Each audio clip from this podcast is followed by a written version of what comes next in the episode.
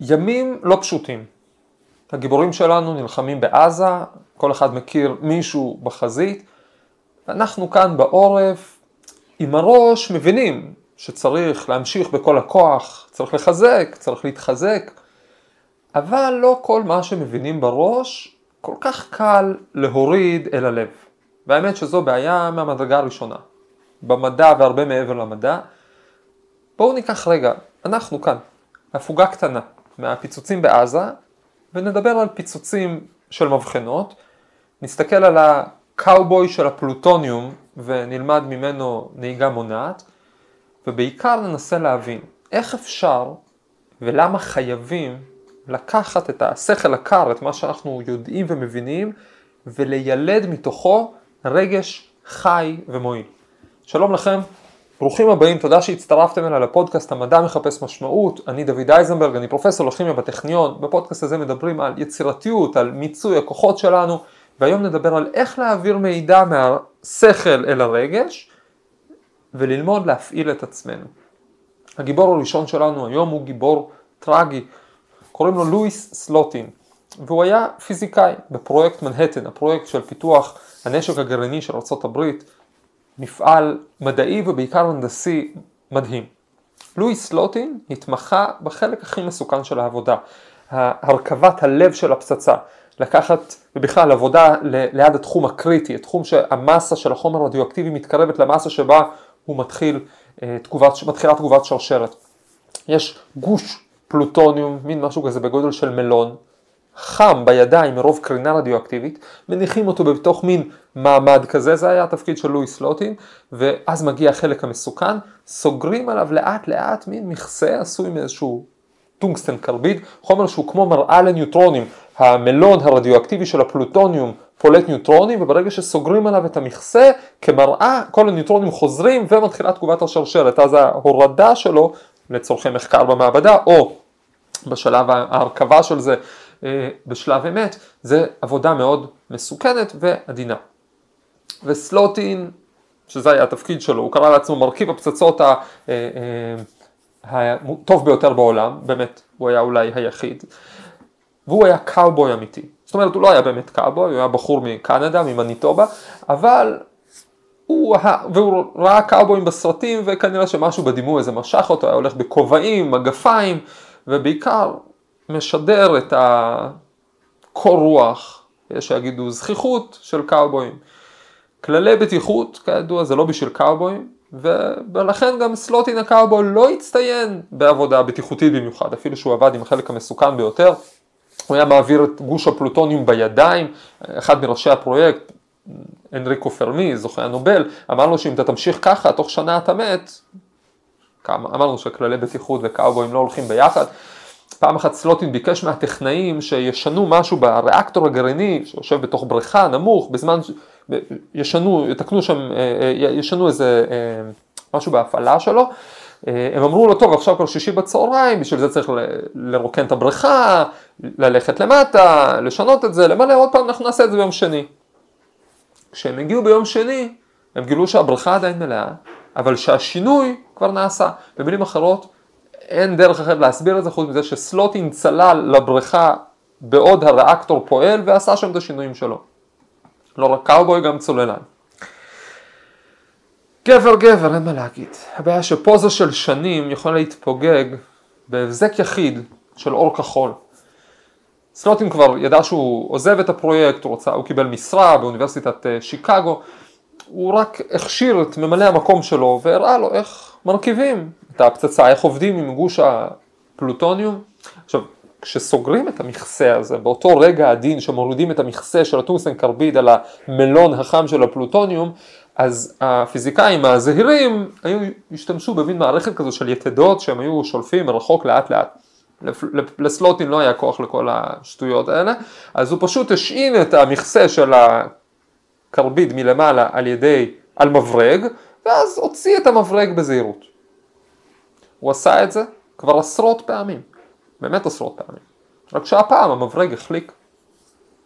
הוא עומד שם, מאחוריו עומד ממלא המקום שלו, בשנייה שהמברג מחליק, כולם, כל מי שבחדר, היו עוד אנשים מאחורה, רואים אור כחול, הקרינה הרדיואקטיבית מתגובת השרשרת שהתחילה היא כל כך חזקה שהיא מייננת, היא מחשמלת את האוויר וכולם רואים אור כחול. סלוטין הספיק עם היד להעיף את המכסה, בעצם לעצור את תגובת השרשרת שהייתה יכולה להסתיים בפיצוץ תוך שניות ספורות כנראה, אבל כשהוא הרגיש בפה את הטעם המתכתי והוא ראה את האור הכחול, הוא הבין שהכל נגמר. אמנם בזה שהוא עמד לפני הממלא המקום שלו, הוא שוחח עליו בגופו, הוא הציל אותו, הוא עוד חי שנים ארוכות, אבל סלוטין תוך שלושה שבועות כבר לא היה בפרויקט מנהטן, אלא בבית הקברות, אם צריך לציין את זה. וזו הבעיה עם בטיחות, חברים, שכולם קאובויים עד לטעות הראשונה. עכשיו, אם אתה עובד בתחום הגרעין, כדאי מאוד שלא תהיה אפילו טעות ראשונה. כי אני בטוח שבשלושת השבועות עד מותו סלוטין הספיק להתחרט על חוסר הזהירות שלו. אבל במקרה כזה, עד שאתה קולט שבטיחות זה חשוב, כבר מאוחר מדי. אבל יש מי שהיה לו מזל, והתאונה הראשונה שלו לא הייתה קטלנית. ואז פתאום נהיה לו אכפת מבטיחות. אני לא מדבר פה על אנשים אחרים וזרים, אני מדבר על עצמי. ערב אחד, בזמן הדוקטורט שלי, אני עוד עובד במעבדה, בחוץ כבר חושך, אני עייף, מת ללכת הביתה, נשארה לי עוד מבחנה אחת לסגור. עכשיו, אני סגרתי מבחנו בדוקטורט בשיטה די uh, uh, מורכבת, היה בזה גם חנקן נוזלי בטמפרטורה מאוד נמוכה מצד אחד, גם uh, להביור שאיתו אני חותך זכוכית, בפנים מראה של נתרן מתכתי, כל מיני דברים מסוכנים, עבדתי בזהירות. אבל היה מאוחר, והייתה לי איזו מבחנה שהייתי צריך להפשיר.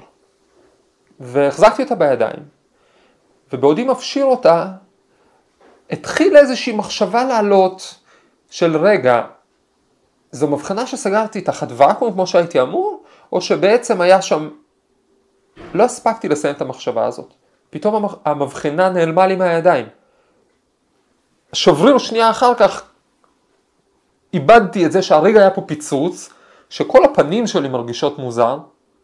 קיצור, העברתי את חצי השעה הבאה בלעמוד בשירותים הקומתיים מול המראה, בניין פילדלפיה, עם פינצטה מתכתית ולדלות רסיסי זכוכית מתוך הפנים שלי. המבחנה כמעט התאיידה, התפוצצה ל-360 מעלות, לא נשאר ממנה כלום, וחלק ממה שנשאר ממנה היה בתוך הפנים שלי. עכשיו, אין ספק שעל אירועים כאלה אומרים יותר מזל משכל, כי מזל שאני עדיין רואה בשתי העיניים, לא יודע אם משקפי מגן היו עוזרות ממרחק כזה, אבל בעקבות האירוע הזה כל היחס שלי לבטיחות השתנה. ברגע שקיבלתי מעבדה משלי כפרופסור בטכניון, הדבר הראשון שביקשתי מאב הבית זה להתקין מיד בכניסה סלסלה עם משקפי מגן. כל מי שנכנס שם משקפי מגן. אגב, אחד מרגעי הנחת הגדולים שהיו לי זה שאחראית הבטיחות החדשה הגיעה, התקשרה אליי פעם ואמרה לי, אתה יודע, הגעתי למעבדה שלך ולפני שהספקתי לפתוח את הפה ולהגיד לסטודנטים מי אני, מיד אחד, אחד הסטודנטים שלך צעק לי, שימי משקפי מגן בבקשה. רציתי להגיד לך כל הכבוד על התרבות הזאת. אמרתי לה, התרבות הזאת מגיעה מחוויה מאוד מסוימת. אגב, אם לי היה יותר מזל משכל, היה מי שיש לו יותר שכל ממזל.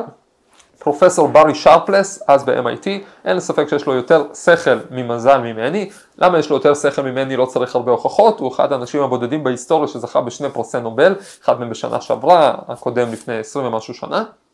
אבל למה יש לו פחות מזל? זה שרבים יודעים שיש לברי שרפלס שני פרסי נובל, אבל מי שמכיר אותו אישית יודע שיש לו גם רק עין אחת.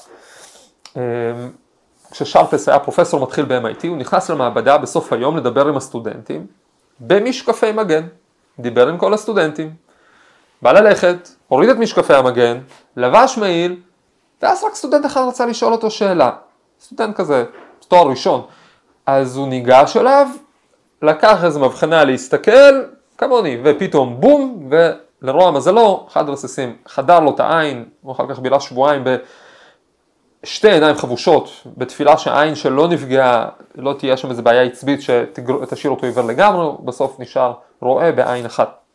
זה יותר שכל ממזל. עכשיו, השאלה היא מה לעשות. אוקיי, אחרי שנפגעת בתאונה, אז עכשיו אתה רואה ממש ברור מה יכול לקרות ואתה עושה מה שצריך. כל זה בסדר, לסלוטין לא היה את הפריבילגיה הזאת, לי ברוך השם הייתה את הפריבילגיה הזאת. אבל מה לעשות אם עוד לא הייתה תאונה? בעצם זאת בעיה אנושית מאוד מאוד מרכזית, הרבה יותר גדולה מאשר נושא של בטיחות שכימאים אוהבים או לא אוהבים לדבר עליו. זו בעיה של קשר בין שכל לרגש, בין מוח ללב, בין מה שאתה מבין למה שאתה מרגיש שהוא בעצם באמת ממש רלוונטי.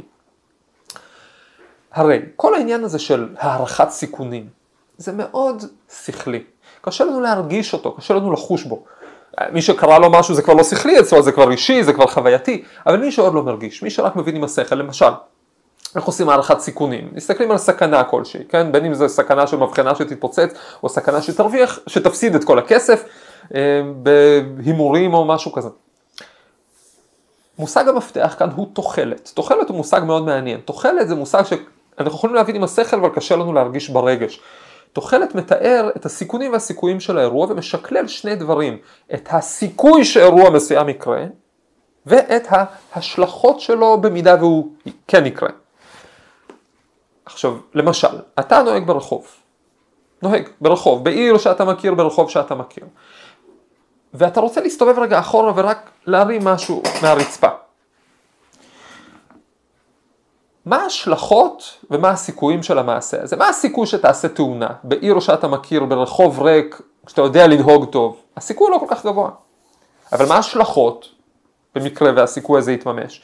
במקרה הכי טוב, רכב מושבת ושוק, במקרה הפחות טוב, חס וחלילה לא על אף אחד לבקר אולי בשבעה של מישהו שפג... של המשפחה של מישהו שפגעת בו.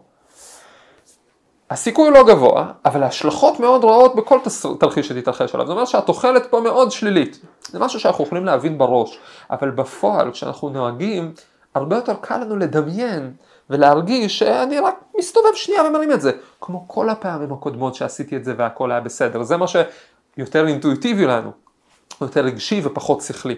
וזו הבעיה, שחישובים של תוחלת תמיד מרגישים לנו כמו איזה סטטיסטיקה קרה ולא רלוונטית. האינטואיציות שלנו אומרות לנו, מה כבר הסיכוי, יאללה עם מלא חוצים, רק רגע אחד. אוקיי, אז מה עושים? זיהינו את הבעיה, זיהינו שיש בעיה של ניתוק בין מוח ללב, שכולנו סובלים ממנה בזמנים שונים. מה אנחנו עושים בשביל לסגור את הפער הזה? אז קודם כל צריך להבין שיש לנו כוח. כשדיברנו על כוחות הנפש של האדם, אנחנו מדברים הרבה על כוחות הנפש במבנה הספירות, אנחנו לומדים את הכוחות האלה בשביל להשתמש בהם, יש כוח אחד מאוד מרכזי שלא דיברנו עליו. אולי הכי מרכזי, אולי הכי חשוב, קוראים לו כוח הדעת. ספירת הדעת במבנה הספירות, בעצם אחת משלוש הספרות, הספירות של השכל. בעצם יש חוכמה ובינה, ועוד נדבר עליהם הרבה בשבועות הקרובים, ויש דעת. עניינה של הדעת זה לחבר בין הכוחות השכליים לכוחות הרגשיים, לחבר בין השכל לרגש. ויש שיגידו שזו הספירה הכי חשובה, או זה הכוח הכי חשוב שיש לנו, כי בלי זה, מה שווה כל מה שאנחנו לומדים? כל מה שאנחנו מבינים על מה נכון, על מה, מה עובד ומה לא עובד, מה מסוכן ומה לא מסוכן, מה זה שווה אם אנחנו לא יודעים להוריד את זה לעולם הרגש. אחד, אגב, אחד העלבונות הכי מקסימים שיש ביהדות, אחד הביטויים המעליבים הכי אה, משעשעים, הוא הביטוי חמור נושא ספרים. אומרים את זה על רבנים, על למדנים, שלומדים ולומדים, והם יודעים הרבה, אבל הם לא מפנימים שום דבר. בעצם כמו שחמור נושא הרבה ספרים, אבל על הגב, ככה הם נושאים הרבה ספרים, אבל בראש. הספרים האלה לא יורדים דרך כוח הדעת ו- ומפעילים את הרגש שלהם, מפעילים את החיים שלהם בפועל. אנחנו מכירים אנשים, אולי אפילו אישית, שמבינים דברים מסוימים, אבל לא תמיד עושים אותם. וזה בעצם חמור נושא ספרים, זה בעצם כשל בספירת הדעת, כשל בהפנמה מהשכל אל הרגש, מהידיעה אל הרלוונטיות.